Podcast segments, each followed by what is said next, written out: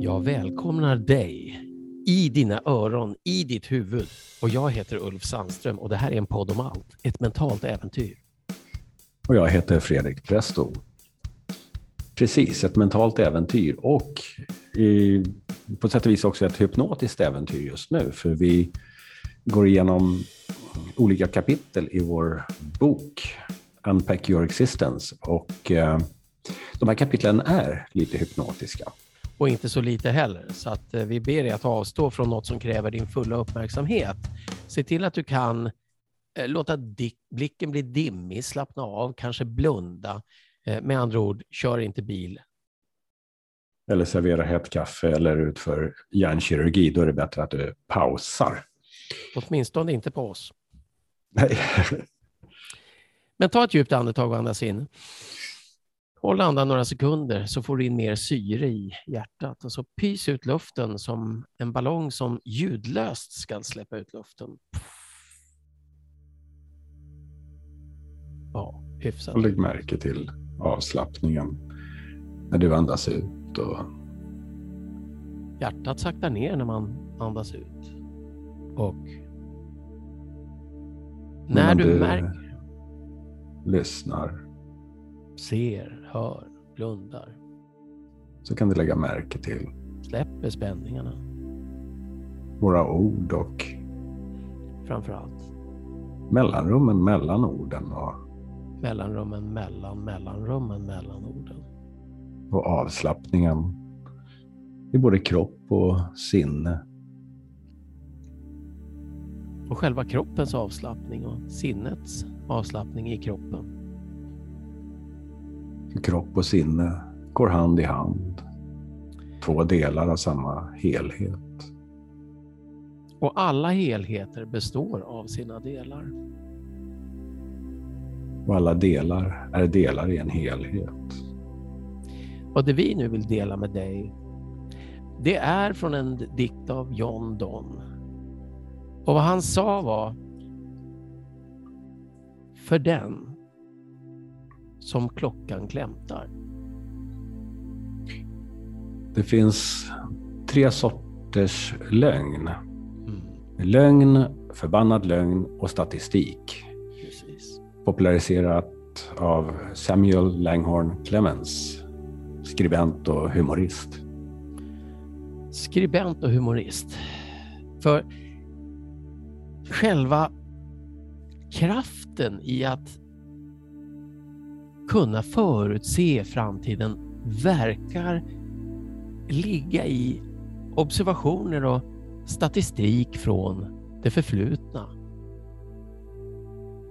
Och om du skulle sitta i ett tåg på en tågstation och se ett annat tåg röra sig utanför fönstret så kommer du inte att veta om det är ditt tåg eller det andra som rör sig. Och när du baserar ditt agerande på sannolikheten för framgång så använder du en referenspunkt för ett förväntat resultat, en norm. Det här är ett viktigt sätt att använda vetenskap, att observera orsak och verkan i en process för att eh, skapa en så kallad Bellkurva mm. för det som är förväntat.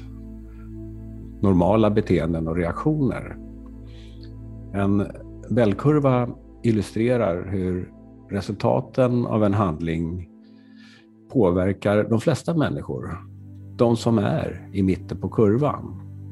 Men längst ut till vänster och längst ut till höger finns undantagen till den här normen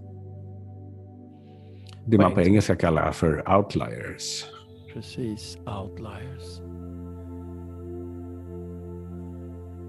Utanförliggare.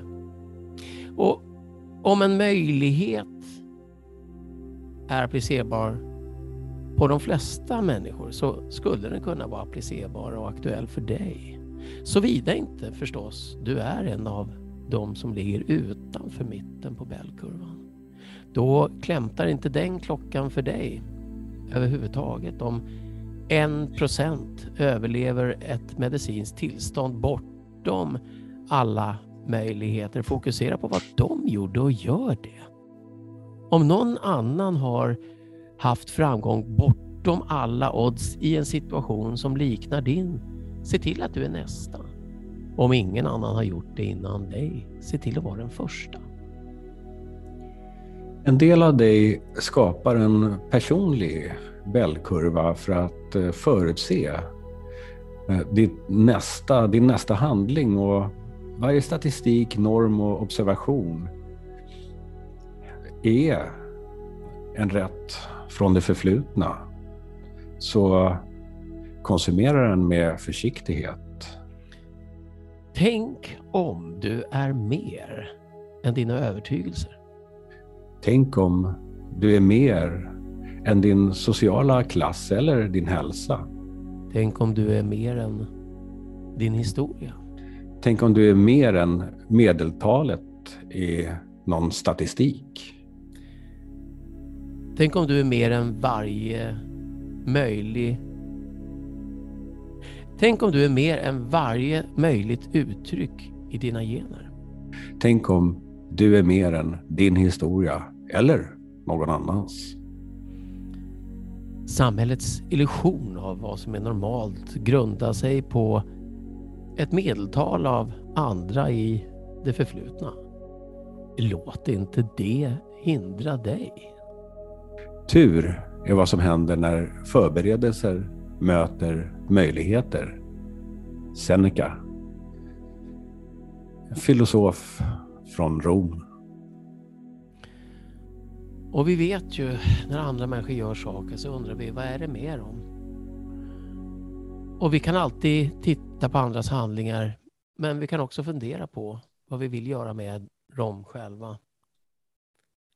Så ta, ta dig ut på andra sidan lite nyfiket som, som när ett barn tittar fram bakom ett draperi och någon säger Nej men där är du.